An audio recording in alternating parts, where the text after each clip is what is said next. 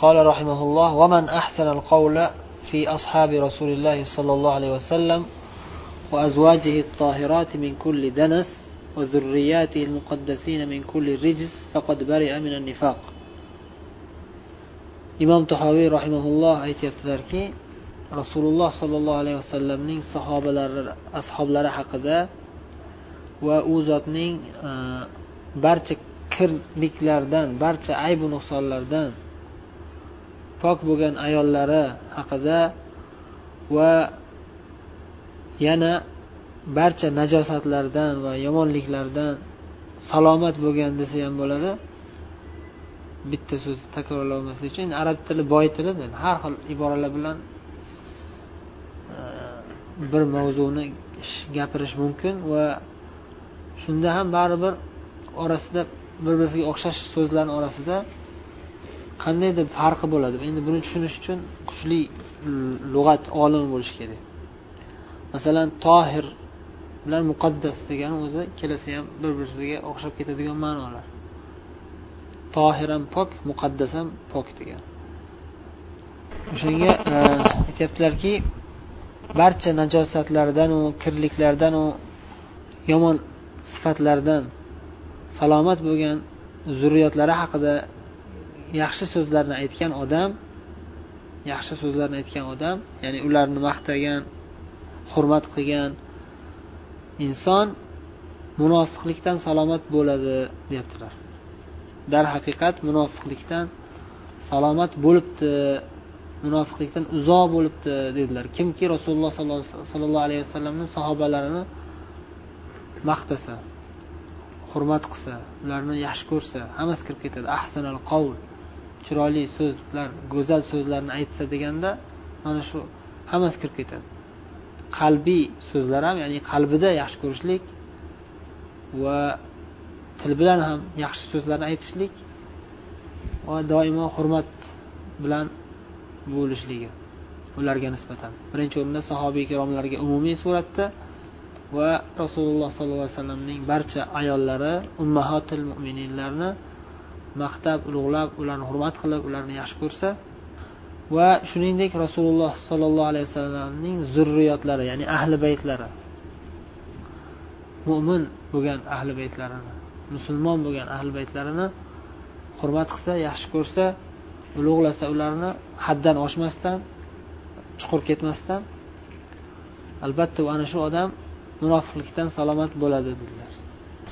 Sahobiylarni yomon ko'radigan odamlar musulmonman deb turib yomon ko'rsa demak u musulmon emas u munofiq. Nimaga? Chunki rasululloh sollallohu alayhi vasallamning ashoblari eng ulug' insonlar. Olloh ularni qur'onda maqtagan.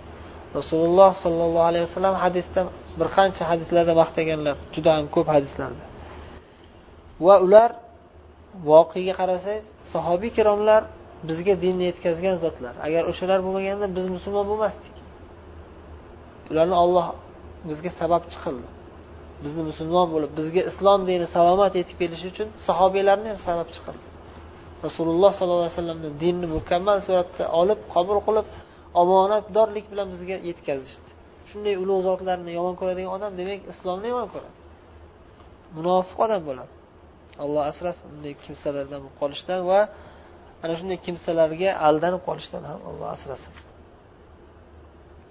Keyingi nuqtada aytdilarki وعلماء السلف من السابقين ومن بعدهم من التابعين أهل الخير والأثر وأهل الفقه والنظر. لا يذكرون إلا بالجميل ومن ذكرهم بسوء فهو على غير السبيل. salaf solihlarning ulamolari minas sabiqin sobiqin avvalgi o'tgan zotlardan bo'lsinlar ya'ni sahobiy ikromlardan bo'lsinlar.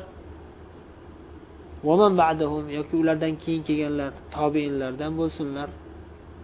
Ahli xayr val asar ahli xayr bo'lgan zotlar ya'ni barcha yaxshiliklar bilan tanilgan zotlar. Val asar asar ya'ni rivoyatlar ilm ya'ni ilm bilan tanilgan zotlar. Yana bir nusxada ahlil xabari val asar deb kelgan xabar va asar bir biriga yaqin ma'nolarda ya'ni naql qilingan qur'on va hadis ilmini bilgan zotlar ulamolar deb maqtayaptilar ana shu zotlar va ahlil fiqh va nazar va fiqh va nazar ahli bo'lgan ya'ni birinchisida rivoyatni yodlab yetkazayotganlar. Ikkinchisida ahlil fiqh va nazar o'sha rivoyatlarni fiqhini tushunib ma'nolarini tushunib yetkazayotgan zotlar. Hammalari nimalar? Ulamolar deyaptilar. Xoh sahobiylardan bo'lgan ulamolar xoh tobeinlardan bo'lgan ulamolar mana shunday sifatli bo'lgan ulamolar la yuzkaruna illa bil jamil. Faqatgina go'zal chiroyli narsalar bilan zikr qilinadilar.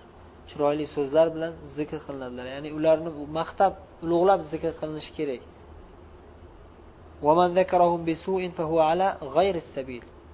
kimki ularni yomonlab zikr qiladigan bo'lsa darhaqiqat bu odam to'g'ri yo'lda emas. Bu odam haq yo'lda to'g'ri yo'lda ketayotgan odam emas. As sabil alif lam lil ahd ha? Lil ahd ya'ni to'g'ri yo'l mana ya'ni mana shu yo'lda emas degani ya'ni mana shu to'g'ri yo'lda emas degan. Haq yo'lda emas. Ahli sunna va jamoaning haqiqat yo'lida emas. Adashib ketgan bo'ladi. Ulamolarni yomonlaganlar. Salaf solihlardan bo'lgan va ulardan keyin kelgan ulamolarni islom. Islom ulamolarini yomon ko'rganlar ularni yomonlik bilan zikr qilgan kimsalar adashgan odamlar bo'ladi. Zalolatga ketgan odamlar bo'ladi. Hattoki ular biz musulmonmiz deb davo qilsa ham lekin haqiqiy musulmon bo'lmaydi. Adashgan toifalardan hisoblanadi. Bu ham yengil masala o'zi lekin sharhlayman desangiz ichida gap ko'p. Keyin yana bitta yangi masalaga o'tdilar. Hozir birinchi o'rinda sahobiylarni maqtadilar ahli baytlarni payg'ambarimiz ayollari ummahotil mo'minlarni maqtashlik ularni yaxshi ko'rishlik ularni hurmat qilishlik zikr qildilar undan keyin sahobiylardan tobeinlardan ulardan keyin kelgan ulamolarni ulamolarni umuman olganda yaxshi ko'rish ularni hurmat qilish zarurligini zikr qildilar endi yana bitta buyuk zotlarni zikr qiladilar ulamo bo'lmasligi mumkin sahobiy bo'lmasligi mumkin lekin baribir ulug' zotlar ular kim ular desa avliyolar avliyolarga bo'lgan munosabatimiz qanday bo'ladi mana shu masalani zikr qilyaptilar ya'ni avliyo degani nima degani u ham keladi hozir va avliyo bo'lgan odamga qanday munosabatda bo'linadi u ham zikr qilinadi aytyaptilarki قال رحمه الله ولا نفضل أحدا من الأولياء على أحد من الأنبياء salavatullohi va salamuhu alayhim ajmain va naqul nabiyyun vahidun afdalu min jami'il avliya biror bir avliyoni hech qaysi bir payg'ambardan afzal deb bilmaymiz hech qaysi bir avliyo biron bir payg'ambardan afzal emas avliyo degani bu yerda hozir zikr qilib o'tsak valiylik jami ko'plik siyg'asi avliya vali degani ko'plik siyg'asi vali degani do'st degani. Avliyo degani do'stlar degani. Bu ham al avliya deb aliflom bilan kelayotganda nima bo'ladi? Ahd bo'ladi. Ya'ni ma'lum do'stlar. Ahd. Ahd degani ya'ni zehnda bor narsa ya'ni ma'lum. Hamma hammamizga ma'lum bo'lgan bir narsa. Ma'lum bir do'stlar degan. Ya'ni kim ular? Ya'ni ollohning do'stlari degan. Ollohning do'stlari ollohning payg'ambarlaridan afzal emas. Nimaga desa chunki do'stlik maqomi birinchi tabaqa desak payg'ambarlik maqomi undan oliy tabaqa. Ya'ni payg'ambarlar ham ollohning do'stlari ham payg'ambarlar. Ikkita sifat bor ularda ya'ni. Allohning do'stlarida faqat bitta sifat. Allohning do'stligi. Shuning uchun ular hech qachon payg'ambardan afzal bo'lolmaydi ollohning do'sti bo'lish uchun nima bo'lishi kerak? Iymon bo'lishi kerak. Iymon. Ha? Taqvo bo'lishi kerak. Taqvo nima? Taqvo barcha islom ahkomlariga amal qilishlik barcha makruh va harom ishlardan uzoq bo'lishlik. Taqvo. Bir birisiga bog'liq narsalar o'zi. Keyin aytdilarki bitta payg'ambar darajasi barcha avliyolarning darajasidan afzal. Dunyoda necha millionta avliyo bo'lsa hammasini olib kelib bir pallaga qo'ysangiz ikkinchi pallaga payg'ambar bitta payg'ambar qo'ysangiz payg'ambar bosib ketadi. Bitta payg'ambar boshqa butun dunyodan afzal o'sha dunyoda agar boshqa payg'ambar bo'lmasa ya'ni. Ikkita payg'ambar olib kelsangiz qaysidir bir biridan afzal bo'ladi baribir. Balki bir bir juda yaqin darajada bo'lishi mumkin. Ammo payg'ambar bo'lmaganlardan payg'ambar judayam oliy darajada afzal. Oddiy afzallik afzaliyat emas. Payg'ambarlar ma'sum deyiladi. Ma'sum degani nima degani? Hech ham xato qilmaydigan yoki xato qilib qo'ysa ham olloh kechirib yuboradi degan. Aniq. Katta xato qilmaydi hech qachon. Lekin ba'zida kichkina xato qilib qo'yishi mumkin kichkina gunoh qilib qo'yishi mumkin lekin o'sha ham kechirib yuboriladi va o'z darhol ya'ni o'sha zahoti ya'ni tuzatiladi. Payg'ambar o'sha zahoti alloh taolo tuzatib qo'yadi. Xatosini aytib qo'yadi. Payg'ambarimiz sollallohu alayhi vasallam masalan ibn umi maktub islomga kiraman deb kelganlarida qovoqlarni soldilar. Boshqa muhimroq ish bilan band bo'lganliklari uchun rasululloh sollallohu alayhi vasallam nazarlarida muhimroq bo'lgan odamlar oliy darajali jamiyatda ta'siri kuchli bo'lgan odamlar makka mushriklarini katta kattalari bilan suhbat qilib turgan paytlari ularni islomga da'vat qilib turgan paytlari ibn umi maktum kelib ey rasululloh menga islomni o'rgating deb kelganda endi shu hozir shu payt kelmay tursa bo'lardi bu odam. Oddiy odam keyinroq da'vat qilinsa ham bo'lardi degan ma'noda qovoqlarini soldilar yuzlarini sal bujmaytirdilar mana shu xato bo'luvdi shu xato edi. Nima qildi alloh taolo? Darhol to'g'riladi abasa va tavalla degan oyat nozil qildi. Bu oyat qiyomatgacha davom etadi zikr qilinadi bu oyat tilovat qilinadi. Ya'ni shunday payg'ambarlar bitta xato qilib qo'ysa ham darhol tuzatiladi. Bitta xato qilib qo'yishsa darhol isloh qilinadi. Ammo boshqalarchi payg'ambar bo'lmaganlar unday emas. Demak payg'ambarlar ma'sum zotlar allohni vahiysi bevosita kelib turadigan zotlar. Shuning uchun ham eng ulug' zotlar. Ammo avliyolar u darajaga yetisha olmaydi aslo. Oddiy avliyolar ya'ni payg'ambar bo'lmagan avliyolar. Payg'ambarlar haligi aytganimizdek ham avliyo ham payg'ambar. Payg'ambar bo'lmagan avliyolar ma'sum darajasiga ko'tarilmaydi alloh bilan bevosita gaplasha olmaydi. Yoki hatto bilvosita ya'ni masalan maloikalar bilan ham gaplashishmaydi aloqa yo'q vahiy kelmaydi ularga ya'ni. Shuning uchun bitta payg'ambar barcha avliyolardan afzal turadi. Bitta payg'ambar barcha avliyolardan afzal turadi.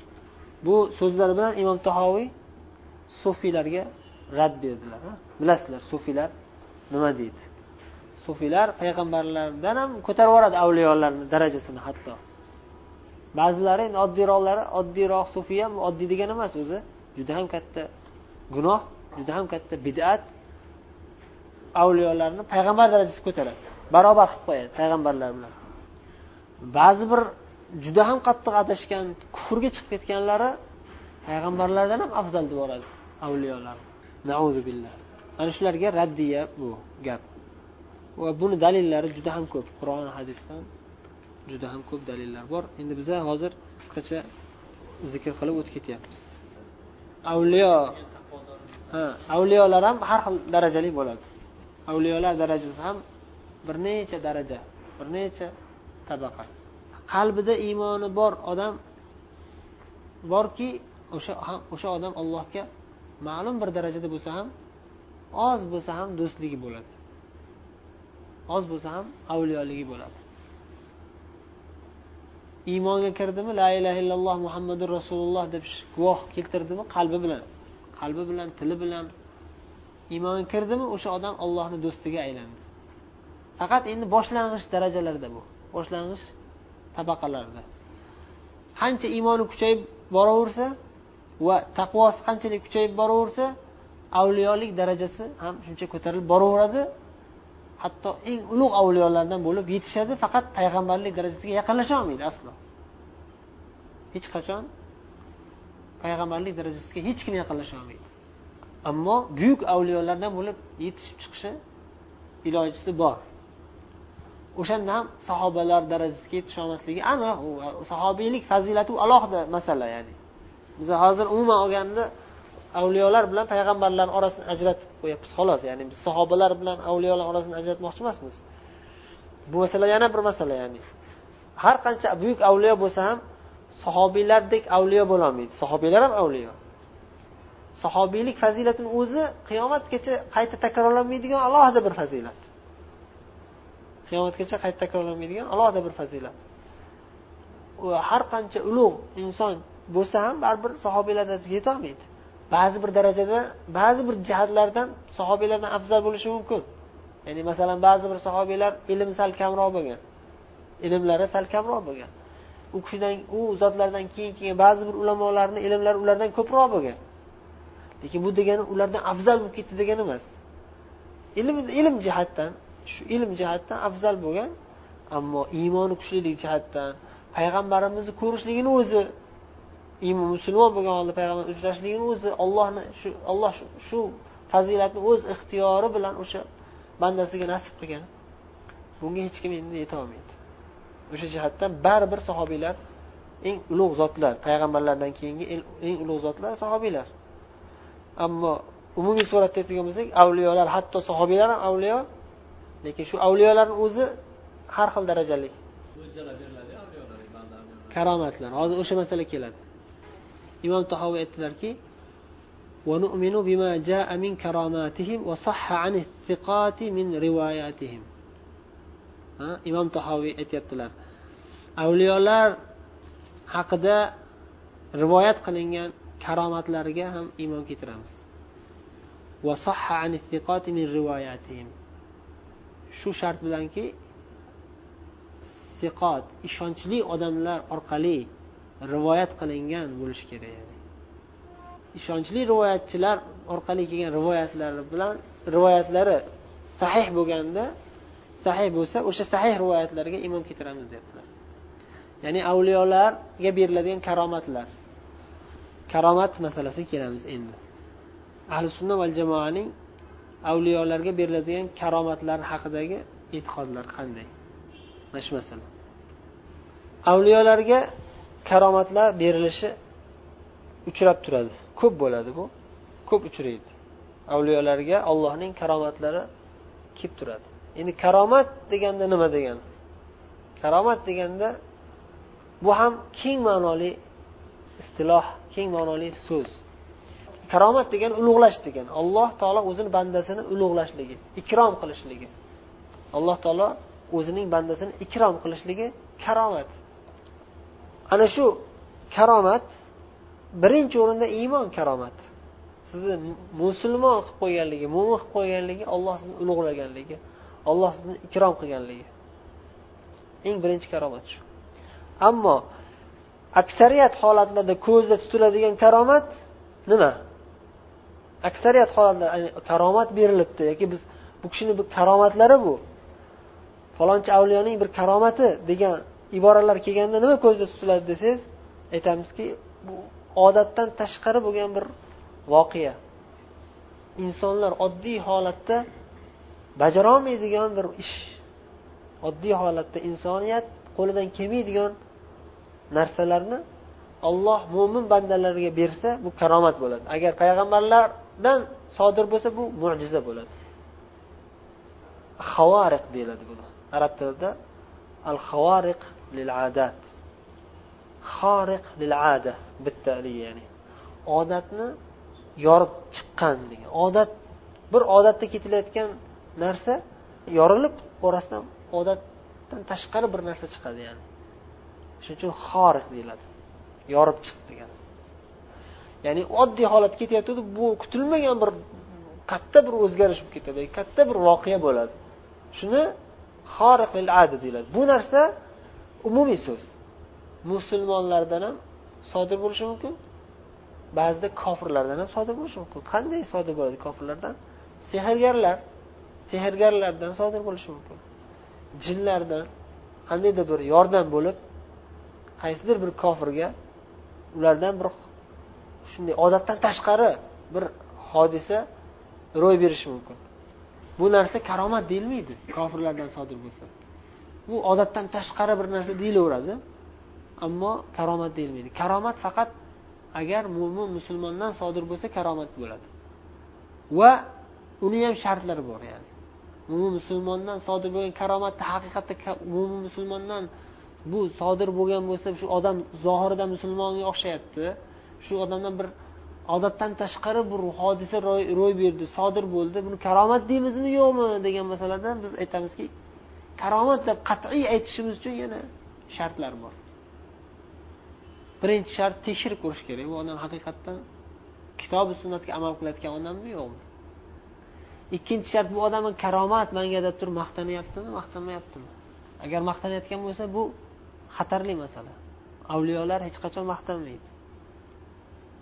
Shunday shartlar keladi.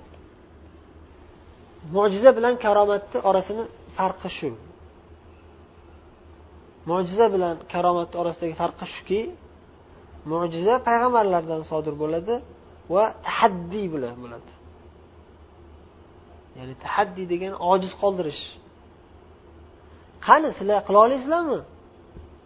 deb ojiz qoldiriladi qarshida turgan odamlarni o'sha mo'jiza bo'ladi. Payg'ambarlardan sodir bo'ladi. Agar boshqalardan sodir bo'lsa bu mo'jiza bo'lmaydi. Buni yuqorida aytganimizdek. Bu odatdan tashqari bir ish qilib turib qani salla qila olasizmi shu ishni desa bu sehrgarlardan sodir bo'lishi mumkin. Sehrgarlardan sodir endi qanday qilib buni biz ajratamiz desa boshqa bir qancha belgilar orqali. Juda ko'p belgilar bo'ladi. Payg'ambar payg'ambarligini bilish uchun bir qancha belgilar bo'ladi bo'ladi. Va bu narsa endi bizni payg'ambarimiz sollallohu alayhi vasallamdan keyin qayta hojati yo'q. Payg'ambarimiz eng oxirgi payg'ambar u zotdan keyin kim kelib man payg'ambarman desa u bilan tortishib o'tirish hojati yo'q. U payg'ambar emasligi aniq. Hech qanday shak shubhasiz. Olloh o'zi sharmanda ham qilib qo'yadi unaqa odamlarni. Payg'ambarlikni davo qilgan kimsalarni har qancha bir odatdan tashqari bir voqealarni bizga ko'rsatsa ham odatdan tashqari mo'jizaga o'xshagan narsalarni olib kelsa ham dajjolga o'xshab hech qachon payg'ambar bo'la olmaydi olloh uni sharmanda qilib qo'yadi baribir. Karomat esa qanday bo'ladi? Karomat tahaddiy bo'lmaydi. Karomatda ulamolar aytishadi avliyolarga beriladigan karomatda tahaddiy bo'lmaydi. Qani sizlar qila olasizlarmi deb maqtanish bo'lmaydi. Maqtanish deb aytmaymiz buni tahaddiy deyiladi ya'ni ojiz qoldirish. Sizlar qilolmaysizlar man qila deganday narsa hech qachon avliyolardan sodir bo'lmaydi. Sodir bo'lsa shunga o'xshagan narsa demak bu odam avliyo emas bu odam shayton do'sti bu. Ollohni do'sti emas. Shunga dalolat qiladi. Shu tomonga olib ketib qoladi. Karomatlar turli xil bo'ladi. Har xil sohalarda bo'ladi. Va karomat masalasida yana asosiy nuqtalardan biri karomat bo'lishi shart emas. Ya'ni zohiriy karomat bo'lishi shart emas. Haqiqiy karomat haligi aytganimizdek iymon karomat. Olloh sizni mo'min musulmon qilganligi taqvoli inson qilganligi eng buyuk fazilat bu yetarli karomat mana shuni o'zi. E, bundan ortig'i ya'ni odamlarni tasavvuridagi karomat masalasi bu zaruriy emas. Hamma avliyolardan ko'rinavermaydi. Ya'ni juda ko'p avliyolar o'tishgan juda ko'p ulug' zotlar o'tishgan ulardan hech qanday bir karomat rivoyat qilinmagan. Va bu ularni darajasi pastligiga dalolat qilmaydi aslo. Karomati ko'rsatilmagan avliyolar ba'zida ba'zi bir karomat ko'rsatilgan avliyolardan afzal bo'lishi ham mumkin. Bu qoida yo'q bu, bu o'rinda muayyan bir qoida aytishga hech kimni haqqi yo'q. Karomat berilsa keyin u odam haqiqiy avliyo bo'ladi. Bu noto'g'ri narsa. Qachonki karomat sodir bo'lsa keyin avliyo hisoblanadi degan narsa bu noto'g'ri narsa. Karomat qachon beriladi avliyolarga? Ulamolar zikr qilishgan ba'zi bir holatlarni masalan muhtoj bo'lishi mumkin o'sha odam. Ikki xil holatda karomat keladi. Karomat berilsa avliyo bo'lgan insonga karomat berilsa ikki xil holatdan birida beriladi. Birinchisi o'sha banda shu avliyo ollohning do'sti bo'lgan banda shu karomatga muhtoj bo'lib qoladi. Og'ir holatga tushib qoladi. Shu og'ir holatdan olloh uni qutqarish uchun karomat ko'rsatadi u odamga. Hech kimni hayoli kelmaydigan va odatdan tashqari bo'lgan bir voqea ro'y berib shu odam shu bandani hojati bajariladi. Nimaga? Chunki bu olloh yaxshi ko'radigan banda shu o'zi yaxshi ko'rgan bandasini hojatini bajaradi olloh ikrom qiladi shu. Muhtoj bo'lib allohga zor bo'lib turganda olloh uni qutqarib unga karomat ko'rsatadi. Misol uchun dushmanlar hamma tomondan o'rab olganda qatl qilinadigan holatda qolib ketganda yoki qattiq bir qiynoqqa tutiladigan bir holat qolib ketganda olloh unga bir karomat ko'rsatib qutqaradi shu yerda. Qanday uslub bilan bo'lsa ham bu narsa juda ko'p uchragan tarixda. Tarixda juda ko'p uchragan. Masalan abu muslimil havlaniy degan tobiiylardan abu muslimil havlaniy degan bir tobiiy bo'lgan umar ibn hattob roziyallohu anhu davrlarida yamanda kofirlarni qo'liga tushirib kofir payg'ambarlikni davo qilgan asvadil ansiyni tarafdorlarini qo'liga tushib qolib uni olovga tashlashadi. Olovga tashlashganda yonib ketish kerak o'zi asli tabiatda. Odatda nima bo'ladi olovga tashlasa birovni? Yonib ketish kerak. Bu yerda odat yorib chiqqan bir odatdan tashqari bir voqea bo'ldi. Nima bo'ldi? Yonmadi u odam. Xuddi ibrohim alayhissalomga berilgan mo'jizadek ya'ni ibrohim alayhissalom payg'ambardan sodir bo'lgan u mo'jiza.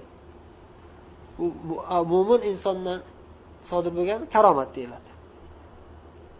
Buni qanday ajratamiz? Chunki bu odam mo'minman deyapti va payg'ambarman demayapti. Bu ochiq oydin ko'rinib turgan narsa. Payg'ambarman deyolmaydi. Mo'min odam hech qachon payg'ambar bo'lmasa payg'ambarlik davo qilmaydi aslo. Abu muslim al havlaniy abu muslim al havlaniy mana shu kishini olovga tashladi. Tashlaganda bu kishi olovdan soppa sog' chiqadilar yonmasdan. Bu karomat bo'lgan. Bunga o'xshagan umuman karomatlar ko'p ya'ni demak bu o'sha bandani hojati uchun bo'ldi. O'sha bandani qutqarish uchun bo'ldi. Yana ba'zi bir holatda qanday bo'lishi mumkin karomat? Da'vat maqsadda bo'lishi mumkin. Islomga da'vat qilish uchun keladi. Yani u bandani ehtiyoji yo'q hozir bu karomatga. Lekin alloh taolo shu bandaga bir karomat berishlik bilan bir qancha odamlarni da'vat qilinib islomga kirishini xohlaydi. Masalan holid ibn valid roziyallohu anhuga berilgan karomat. Bir qabila bir mintaqa ahlini islomga da'vat qilganlarida ular shart qo'yadi. Islomga kirmaymiz islom haq dinligini isbotlab ber bizga bo'lmasa urushga tayyormiz urushaveramiz. Holid ibn valid ham urushishga tayyor urushaveradilar. Lekin islom dini rahmat rahm shafqat dini. Ha bular urushmoqchi ekan urushaveramiz deb urush ketilmaydi. Islomga da'vat qilinadi oldin. Qayta qayta. Va ularni qalbidagi shak shubhalarni yo'qotishga yordam beriladi. Maqsad qon to'kish emas hech qachon islomda. Ularni qutqarish dunyosini ham oxiratini ham qutqarish. Shuning uchun nima xohlaysizlar dedilar. Islom haq din mana bu hujjatlar ko'rsat nima xohlaysizlar yana? Desa yana bir narsa ko'rsat bizga karomat yoki bir hujjat ko'rsat bizga. Nima qilaylik? Desa biz senga zahar beramiz shu zaharni ichchi. Agar sen haqiqatda haq din ustida bo'lsang senga olloh yordam bersinchi sen olloh biz tarafda deyapsan alloh taolo. Bizga yordam beradi deyapsan. Haqiqatda sizlarga olloh yordam beradigan bo'lsa biz bizga bir e, mana shu zaharni ichib ollohni yordamini ko'rsatchi senga olloh yordam berib o'lmay qolchi. Zahar ichib o'lsang sen ollohni yordami keladigan odam emas ekansan haq odam emas ekansan. Agar shu zaharni ichib o'lmasdan salomat qolsang demak sen haqiqatda haq ustida ekansan deb ishonamiz deyishadi. Olib kelinglar zahar berishadi. Bismillah deb turib ichib yuboradilar haligi zaharni. Hech narsa qilmaydi. Zahar dushman kofirlar beryapti. Atayin. Bismillah deb ichib yuboradilar hech narsa qilmaydi. Haligi odamlar hayron qolib demak bular haqiqat ahli ekan deb turib ta'sirlanib iymon kiradi. Bu karomat turlaridan yana biri ya'ni. Lekin o'sha bu o'rinda xodimlarni ehtiyoji yo'q edi bu narsaga. Zahar ichishga nima hojat bor edi? Hojati yo'q edi. Lekin da'vatga hojat bor edi bu yerda. Da'vat uchun ichildi zarurat bo'lganda. Karomat haqidagi mavzu xulosasi shu ya'ni. Boshqa savollar yo'qmi? Karomat haqida? Endi agar karomat haqidagi sahih rivoyatlarni qissalarni zikr qilamiz desak juda ham bir katta mavzu bu. Bu haqida alohida kitoblar yozilgan alohida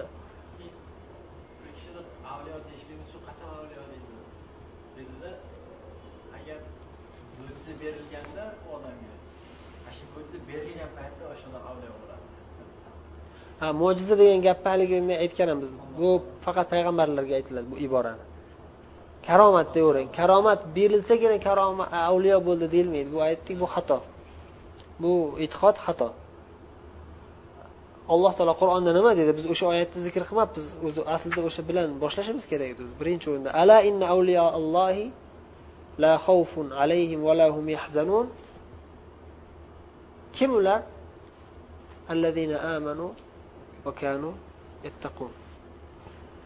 Ogoh bo'linglarki shak shubhasiz ollohning avliyolari ya'ni allohning do'stlari ularga hech qanday xavf xatar yo'q va ular hech qachon g'amgin bo'lmaydilar. Kim ular desa allazina amanu va kanu yattaqun deb javob beramiz.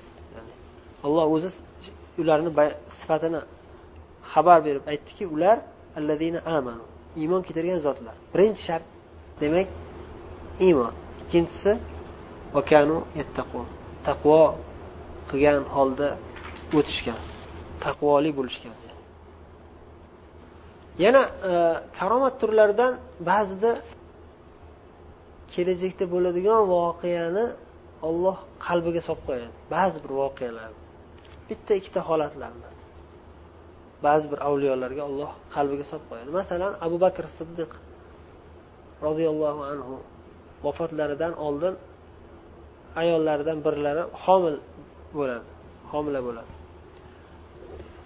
O'lganlaridan keyin meros taqsimlash kerak. Ya'ni o'lishlarini bilalarda e, meroslarini qanday taqsimlashini oysha onamizga aytib ketadi. O'zlarini qizlari oyshaga aytadilar. Ya'ni bunday qilasizlar bunday qilasizlar deb maslahat berayotganda aytadilarki ikki falonchini qornidagi homila bu qiz bo'ladi.